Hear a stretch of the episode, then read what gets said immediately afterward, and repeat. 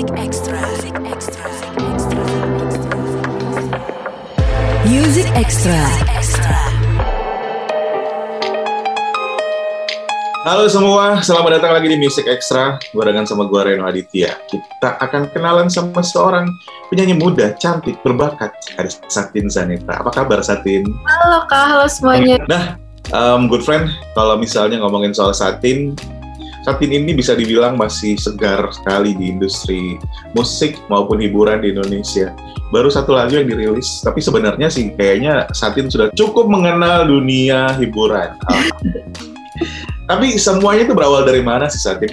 Tahu-tahu ikutan casting untuk uh, film, kemudian ngerilis single. Jadi sebenarnya berawal kalau misalkan mengenal musik dan film itu pasti dari ayah karena hmm. kebetulan juga dulu selain main film ayah juga sering bikin lagu bikin oh. musik bareng sama teman-temannya gitu kan tapi kalau akunya personally mulai awal banget itu uh, Virgo and Sparklings itu yang pertama gitu baru dari situ kayak mulai kepikiran buat bikin lagu sendiri dan lain sebagainya gitu ya betul betul betul sebenarnya sembari sih waktu itu kayak bikin oh udah mulai kepikiran untuk bikin YouTube channel oke okay.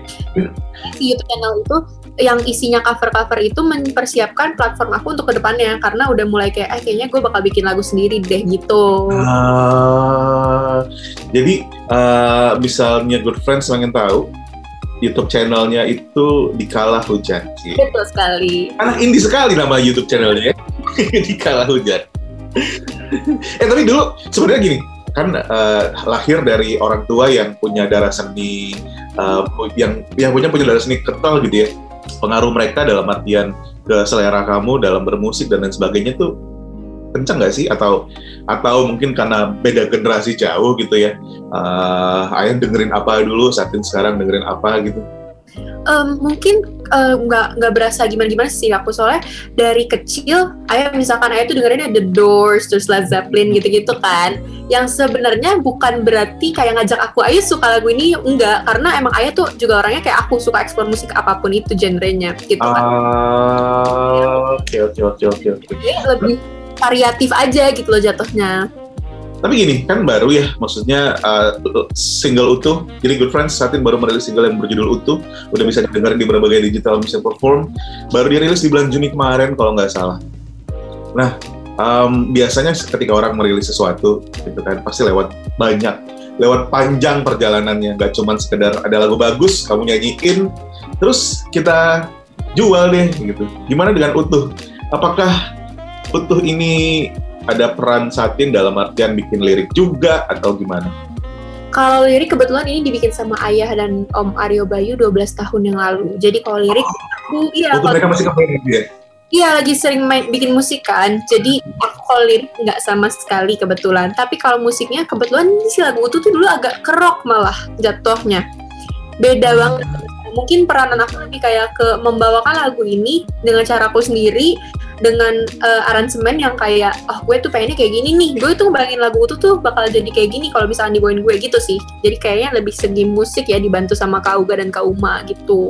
Kalau lirik? Uh, tapi kamu bikin lirik gak sih? Atau bikin lirik dalam artian nulis ya aku lagi belajar sih kak sebenarnya aku lagi belajar bikin lagu sendiri kebetulan karena insya Allah tahun depan mau ada EP mini album jadi aku uh, lagi ah. lagu sendiri gitu. Uh, Oke, okay. tapi sebenarnya kan yang paling uh, susah dalam ngebikin sesuatu itu kan prosesnya ya gak sih? Ketika kita udah tahu gimana caranya atau kita udah dapat moodnya, mungkin bisa mengalir lebih lebih gampang. Nah, buat sakin, apalagi di masa pandemi seperti sekarang, cari inspirasi itu kalau dulu mungkin ketika nongkrong sama teman, ada teman curhat dan lain sebagainya gitu kan, ke satu tempat gitu kan. Nah sekarang kan enggak, kebanyakan kita ngelakuin kegiatan tuh di rumah aja. Ya itu. Itu itu aja yang dikerjain. Sebenarnya kalau misalkan dibilang inspirasi, aku anaknya tuh yang bisa tiba-tiba aja kayak, eh kok gue pengen nulis tentang ini ya, gitu. Nah, tadi juga kalau misalkan di sosial media sekarang kan orang juga banyak yang curhat ya kak, nggak nggak cuma ketemu langsung, kadang um, permasalahan yang dirasakan oleh orang-orang tuh kebanyakan sama lah, apalagi dalam cinta gitu kan, kebanyakan ya kurang lebih mirip-mirip gitu. Okay. Uh, eh, jadi aku bisa biasanya dari situ biasanya juga kayak, oh aku punya cerita pribadi nih yang mungkin mungkin emang nggak 100% kayak sedih banget cerita cinta gue enggak, cuman kayak kayaknya menarik ya kalau misalkan kita jadi lagu gitu sih. Oh. Oke oke oke oke. Jadi sebenarnya um, ketika bikin lagu ya udah seperti yang dirasain seorang Satin yang masih berumur 18 tahun aja, gak usah pikir yang macam-macam gitu ya. Atau dengerin bacain komen-komen uh, di Instagram followers atau cerita temen yang gitu-gitu ya. Betul, betul, betul, betul. Tapi gini, uh, ketika bikin sesuatu kan pasti kita suka punya referensi, ya nggak sih?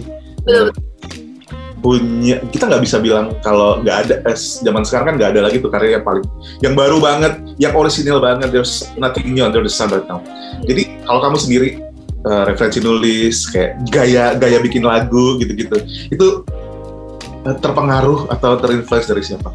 Aku musisi favorit aku yang em, apa ya? I look up to banget tuh Rex Orange County kalau misalkan musisi luar ya. Kalau- gitu liriknya ya cerita gitu ya.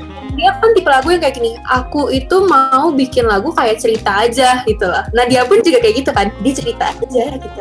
Kadang yang cerita itu berasa deket jadi berasa eh kok lagunya eh, mungkin simple tapi jadinya kayak eh kok gue suka ya gitu. Kadang tuh kita kalau dengerin Rex kalau Indonesia Kak Ardito sih karena begitu juga aku lihat lagu dia tuh ya dia kayak cerita aja gitu. Makanya aku suka Ardito juga uh, look up-nya ke Rex Orange Country. mirip ya mirip lah ya Tapi gini, Satin, lagu utuh itu rilis ketika pandemi COVID-19. Kalau kita nanti kita akan ngebahas sedikit soal film uh, Virgo. Eh, tapi kan itu nanti kan itu uh, kalau nggak salah belum belum mulai syuting ya. Eh, udah selesai syutingnya Selesai. hmm, iya Oke, tapi kan rilisnya bisa nanti, maksudnya nggak perlu mikirin itu bukan itu bukan bagian Satin untuk mikirin. Kamu cuma berperan, kemudian ikut bantuin promosi. Tapi kalau misalnya kayak lagu dari single sampai rencana ngerilis uh, mini album itu kan pasti semuanya dipikirin uh, orang lain juga pastinya. Nah, kenapa baru ngerilis utuh itu sekarang? Terus apa karena uh, bertepatan uh, dengan film Virgo juga? Kalau nggak salah nih Good Friends, utuh ini adalah salah satu soundtrack film Virgo juga. Betul. Kalau misalkan kenapa rilis sekarang? Sejujurnya banget, aku itu baru kepikiran untuk membawakan lagu utuh itu eh, akhir 2020. Terus akhirnya kita mikir kayak ya udah kita seriusin sembari aku pun belajar nulis lagu sendiri gitu loh. Em, jujur mungkin ada sedikit apa ya yang kurang kali ya kalau misalnya rilis lagu itu di pandemi karena kita nggak bisa live gitu-gitu. Cuman aku pikir kayak ya udah gitu. Eh, apa pun yang terjadi kalau misalkan lagu ini apa ya sebagai langkah awal aku gitu loh kak aku anggapnya ya udah kita mulai aja sekarang gitu. Kita masa langkah awal sayang aja gitu loh kak aku mikirnya kayak kalau langkah awalnya nanti nanti nanti nanti terus nanti malah nggak jadi jadi gitu. Jadi sekarang jet udah gitu. Apa pun yang terjadi biarkan Tuhan dan semesta yang mengarahkan aja sih aku kalau kayak gitu gitu. Karena nggak pernah ada yang namanya momen yang salah kayak ah lagi begini kok bikin sesuatu kok ngerilis ntar gak ada yang dengerin. Nggak juga loh good friends. FYI tadi gue ngintip di salah satu digital music perform dari 9 Juni sampai hari ini kita take podcast ini kalau nggak salah kurang lebih sebulan lagunya didengerin lebih dari 123 ribuan which is it's a good thing. Ya kan? Tambah semangat nggak dengan ih banyak yang dengerin gitu. Coba semangat aku pun kemarin eh, abis rilis tuh langsung kayak agak ambisius itu agak nulis agak nulis gitu kayak ayo bisa bisa ayo gitu. Eh tapi sebagai single pertama kamu utuh penilaian jujurnya Satin apa? Penilaian jujur em, mungkin karena belum ada bayangan juga ya kak. Sebenarnya lagu pertama aku pun anaknya juga kayak nating tulus ya udah ayo kita jalani bareng-bareng jadi aku pun gak mau I'm, I'm not being too harsh on myself for me untuk uh, membuat diriku aku juga aku cukup senang dengan ini gitu loh karena selain di luar aku ini baru pertama kali belum ada comparisonnya jadi kayak I'm happy with it jadi Jadi kayak karya pertama yang hasilnya sesuai deh dengan apa yang dibayangin gitu ya. Nggak ada, tapi pasti punya album pertama akan penuh drama di dalamnya. Namanya mini album tau gak sih? Kayak satu lagu itu ya udah satu lagu beres selesai tapi mini album kan yang namanya yang namanya so called album pasti semua orang punya tuntutan yang berbeda. Di album gue, walaupun cuma isinya mungkin sekitar 4 atau 5 lagu, since this is mini album, gue pengen ada ini, ada itu, ada relate seperti apa, gitu-gitu. Udah, udah, udah, udah dipikirin sejauh itu belum sama kamu sih?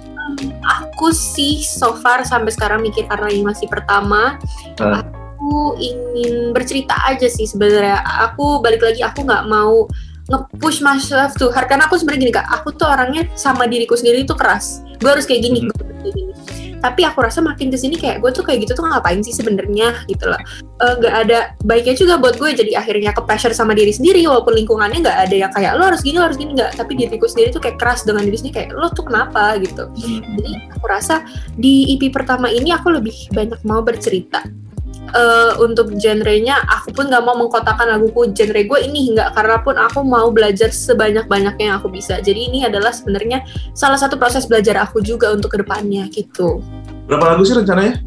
rencananya sih eh, limaan lah kita cukup lah itu. Mini album 5 penyanyi baru itu kayak yang udah cukup kenyang untuk orang kenal sama musiknya Satin ya gak sih? Udah jadi berapa sekarang? Eh, sekarang udah ada em, lagi jalan dua lagi ditulis dan lagi aku ini dulu kayak mantepin dulu. Aku tuh anaknya kalau semakin gue ulang-ulang nih kayak ah ganti ah ganti ah gitu. Iya iya iya iya iya. Semua orang kayaknya kayak gitu deh kayak. Udah gitu kayak udah. Kayaknya kita tadi gak gini deh, kok sekarang begini? Ganti lagi gitu gitu kan. ganti lagi. Aku udah sering banget kayak gitu. Pas dengerin lagi kayak ah gue ganti ah liriknya bagian sini gitu gak selesai-selesai malah nggak nulis yang lain. Oke. Eh tapi gini, karena kamu kan suka cover lagu nih, cover lagu dan misalnya Good Friend lihat di YouTube itu macam-macam lagu, gak cuma dari satu penyanyi aja, tapi dari berbagai penyanyi tapi dinyanyiin dengan gayanya Satin. Nah, ketika nanti dengerin album, mini album nanti, ada perasaan yang sama nggak sih ketika nontonin kamu mengcover lagu? Atau di mini album, lo nggak akan menemukan Satin yang suka cover lagu di YouTube karena semua yang terdengar nanti di mini album totally different. Oke, em, jadi gini, yang aku rasain ketika aku cover lagu pun aku bikin lagu, aku menaruh bagian dari diriku di situ gitu. Jadi nggak bisa dibilang kayak ah ini beda banget, ini satin, ini bukan nggak. Aku mau nyanyi lagu apa pun itu, aku menaruh jiwaku dan bagian dari diriku di situ karena I feel the music, I feel the song gitu loh. Jadi em, apa ya, aku bisa mungkin lagu-lagu yang aku bawain di cover itu kebanyakan dari eh, musisi-musisi yang aku suka juga Nah. gitu Betul. Di musik bisa jadi ada yang terinspirasi gitu loh. Jadi nggak bisa sih kayak itu kan tadi kakak bilang nggak ada uh, there's nothing new under the sun. Tapi ada lah yang kesamaan bukan kesamaan sih terinspirasi kali ya gitu. Karena genre-genre yang aku bawain di cover pun itu kebanyakan yang aku suka gitu. Tapi jujur, lebih enak bawain lagu orang cover gitu atau ketika rekaman utuh terus mulai eh, kamu mulai cerita lagunya atau eh, atau bahasanya apa ya? Pamer utuh ini di sosial media di YouTube gitu. Tentunya beda ya. bebannya enak mana? Kalau misalkan sama-sama punya beban nih ketika cover lagu orang ketika lagunya nggak seenak versi aslinya pasti ada aja yang ih nggak enak kurang dan sebagainya. Gitu juga dengan lagu sendiri kan? Ada yang dia akan bilang ini udah deh Satin, mendingan kamu cover lagu aja soalnya lagu kamu sendiri itu nggak seenak waktu mengcover. Ya nggak sih? Itu kadang-kadang kan let us down nggak Aku itu orangnya apa ya gini, balik lagi selera sih kak. Kayak kita, kita pun juga pasti kalau dengerin orang, misalkan teman kita, gue suka ini deh, kayak aku kayak, oh nggak sih gue biasa aja gitu kan, pasti ada aja yang kayak gitu karena selera orang beda-beda. Kalau Hmm. bisa bilang pasti kesenangannya lebih ke lagu sendiri karena itu bagian dari gue yang gue misalkan keringet gue, gue nulis, gue mikirin aransemennya gitu pastinya tentu lagu sendiri. Cuman kalaupun aku eh, disuruh milih mending cover atau lagu sendiri, tentunya lagu sendiri sih kak karena apa ya beda gitu loh rasanya. Walaupun ada pressure jujur sempat ngerasa kayak aduh lagu pertama lagi nih apa ya nanti kata orang gini gini. Tapi mindsetku pasti kayak ya udahlah selera orang beda-beda pasti nanti at the end of the day bakal ada yang suka bakal ada yang enggak and that's normal gitu that's fine. Jadi dari awal kamu udah menenangkan diri sendiri ya? Ya, Ya, oke ada yang bakal suka pasti ada yang bakal ngedis atau bakal kayak eh, nggak suka gitu tapi ya itu tadi semua kan selera good friends beneran selera. Tapi cara kamu nyanyi nih. Nah itu tuh yang mau tanyain. Cara nyanyi kamu itu dapat dari mana sih? Cara nyanyi ya? Aku nggak pernah ngerasa cara nyanyiku beda dari banyak orang. Nggak juga kayak Iya, iya, tapi kan nggak eh, bahasa seorang Reno adalah gini. Cara nyanyi saat ini tuh lebih dewasa daripada umurnya. jadi ada cerita, jadi gini, kenapa ngomong gitu? Jadi kan eh, sebelum dengerin lagu tadi kan buka-buka Insta Story ya, sambil nungguin mau, kita mau ngobrol nih. Terus ada teman dia posting eh, Instagram Music terus lagu lama atau Fatih. Nah, nah, nah, nah, nah, nah, pokoknya lagu lama atau Fatih gitu. Terus gak lama setelah itu baru dengerin lagunya Satin. Terus kayak menemukan similarity dalam artian cara nyanyi yang eh, cukup dewasa dibandingin karena kan banyak ya penyanyi baru penyanyi muda cara nyanyi juga sesuai umurnya gitu. Kalau kamu tuh kayak there's so much effort in it. Um, aku tuh nggak nggak pernah gini sih. Aku jadi kebetulan aku punya pernah nge- vocal coaching gitu sama Kak Galabi Tahira Ah, tapi tuh nggak pernah yang mengarahkan nyanyi itu harus kayak gini nyanyi itu harus kayak gitu. Enggak dia membantu aku menemukan warnaku cara aku nyanyi sendiri yang nyaman kayak gimana yang kamu suka kayak gimana gitu. Dari dulu cara nyanyiku tuh sebenarnya gini-gini aja sih kak. Cuman yang lebih berasa adalah dulu aku tuh malu dan nggak mau banget kalau ada nada yang terlalu tinggi nada yang terlalu rendah nyaman aja gitu. Kayak udah gue cari aja amannya gitu. Setelah sama kak Galabi aku lebih aku nyaman tapi at the same time juga aku suka dengan challenge gitu. Misalkan dulu aku nggak berani nyanyi lagu Reflection si Mulan lagu Oh ya Christina Aguilera ya ketika itu ya reflection. gak mau aku nggak mau banget nyanyi lagu itu enggak gue nggak bakal bisa gitu. Kak Galabi tuh ngajarin kayak ayo ayo ditemukanlah caranya sendiri. Jadi kok bisa dibilang nggak sesuai sama umurnya nggak tahu ya kak karena Karena dia juga influence juga macam-macam dari yang tua-tua sampai yang iya ya mungkin secara ya. nggak sadar mungkin jadi terbawa ke cara kamu nyanyi mungkin sih seperti itu. Tapi bukan berarti itu jelek. Sekali lagi itu bukan berarti itu jelek. Tapi ya tadi sounds kayak ketika kalau misalnya nggak tahu aja misalnya ini, ini pasti orang anggapnya punya penyanyi umur 25an sampai 30 lah gitu. Eh tapi gini um, kan Virgo and the Sparkling sama Utuh itu satu paket sebenarnya ya karena kan dirilis pa- part of the movie Utuh sendiri. Dan kamu experience dua-duanya. Enakan mana sih main film? Syuting atau berproses bikin lagu? Jujur jangan bohong. Jangan menjawab seperti Putri Indonesia aku nggak aku nggak bohong ya. Oke oke oke dua-duanya masih pertama dan aku masih suka belajar hal-hal baru gitu. Jadi aku belum bisa milih sekarang sejujurnya banget. Karena masih ba- berbarengan dan dua-duanya pertama dan masih tahap belajar juga jadi kayak masih suka belajar aja dua-duanya. Kayak kayak, bisakah kita melakukan keduanya? Gak usah memilih gitu loh. Kayak masih mau belajar aja gitu. Karena kan kalau kita main film kita jadi orang lain ya. Hmm, sementara ketika kita nyanyi kita jadi diri sendiri. Ya nggak sih jadi uh, our best version. Jadi kayak versi diri kita yang terbaik yang pengen kita kenalin ke orang-orang lewat lagu kita. Bener nggak kayak gitu? Tapi sama aja dengan main film sih kayak yang aku pelajari adalah kita menaruh bagian dari diri kita juga gitu loh. Sebenarnya nggak ada perbedaan signifikan dua-duanya sama-sama seni sama-sama harus kita harus menaruh jiwa kita di situ gitu. Apa ya? Ya itu karena masih senang belajar masih suka mengeksplor hal-hal baru jadi eh aku belum bisa milih sih sekarang gitu. Enak kok dua-duanya aku lagi enjoy nggak main film? Jujur lagi sih. Lagi lagi lagi tapi sayang mungkin lagi kita belum tahu nih kapan bisa syuting-syuting lagi so sempat ngeliat beberapa ya kayak syutingnya ditunda dulu semasa pandemi COVID-19 ini. Nah, uh, rintik hujan sendiri itu mau dirilis kapan sih? Kalau kamu kalau manusia boleh berencana, cila. ya boleh berencana aku sih pengennya awal tahun depan dan emang diusahakan awal tahun depan cuman ya kita sebagai manusia lagi juga harus berdoa dan usaha ya semoga beneran kejadian tuh awal tahun depan gitu kan Tapi masih akan rilis lagu lagi dong setelah sebelum menjadi mini album ya. insya Allah Eh tapi ini ini pertanyaan standar sih karena kamu eh, penyanyi baru kan. Kamu penyanyi baru biasanya kan punya banyak cita-cita. Atau mungkin sebelum nyanyi, sebelum benar-benar punya karya suka kepikiran kayak, duh kalau gue jadi penyanyi beneran gue pengen deh kolaborasi kolaborasi nggak cuman nyanyi duet, dibikin dibantuin bikin lagu, lagu ya eh, ya kan dibantuin bikin lagu, kerja sama di produser dan lain sebagainya gitu-gitu. Kalau boleh kayak kalau boleh nodong eh, manajemen rintik hujan ini, gue pengen diproduserin sama siapa? Hmm, mungkin nggak rintik hujan nggak EP sih ya kan mungkin mungkin kalau album ya? mau collab kayak lagu bareng gitu Oke. Pengen banget aku pengen banget uh, collab sama Kak Ardito sih Ah, dapat sih, dapat sih, dapat sih, dapat sih. Mudah-mudahan ada yang terdengerin podcast kita hari ini.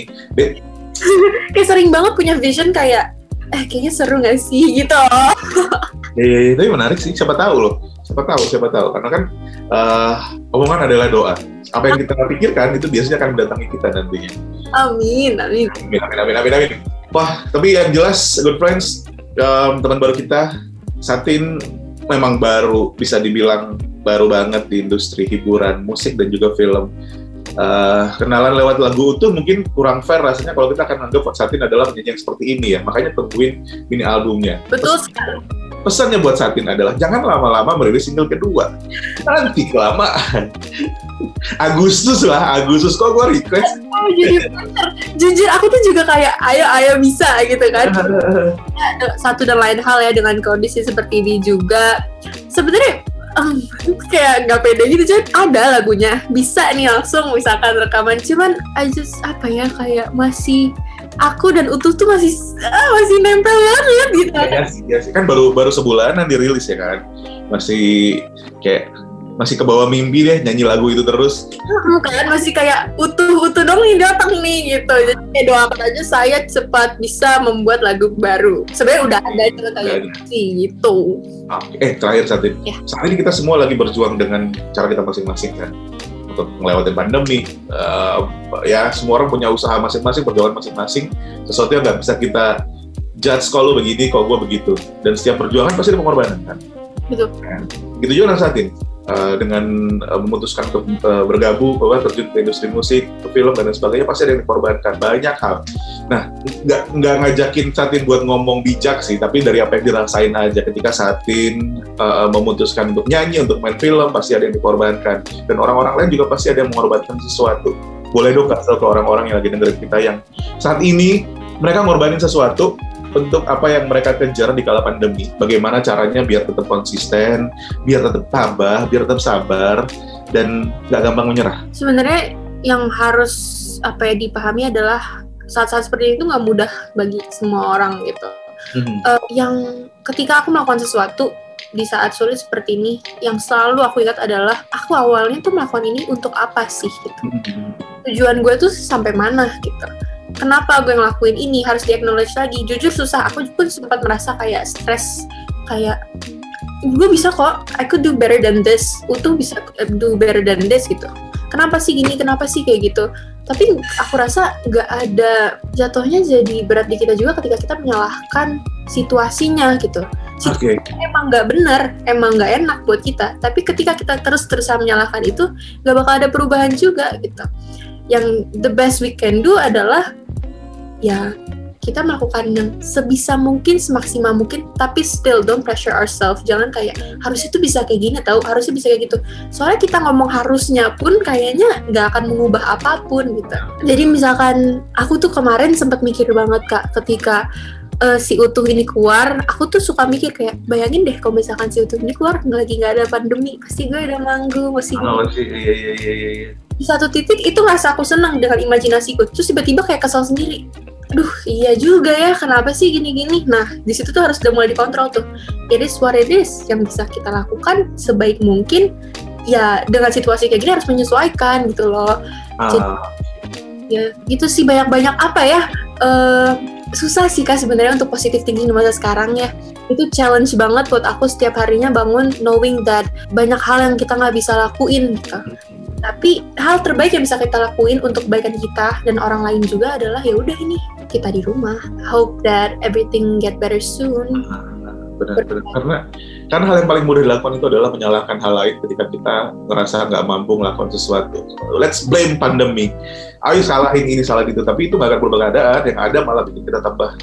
betul malah drop kan ya udah kita susah banget sih to look at the bright side that's it's kind of kayak ya elah lu ngomong kayak gitu kayak ada bright side-nya aja. Nah itu dia gitu loh kita harus mencari bright side-nya itu dari keadaan ini gitu. Kita bisa spend time more with my with our family. Even though sumpah ya yang aku rasain juga ini sih kak. Aku juga sempat ngeliat di sosial media orang yang kerja yang harus kerja di luar.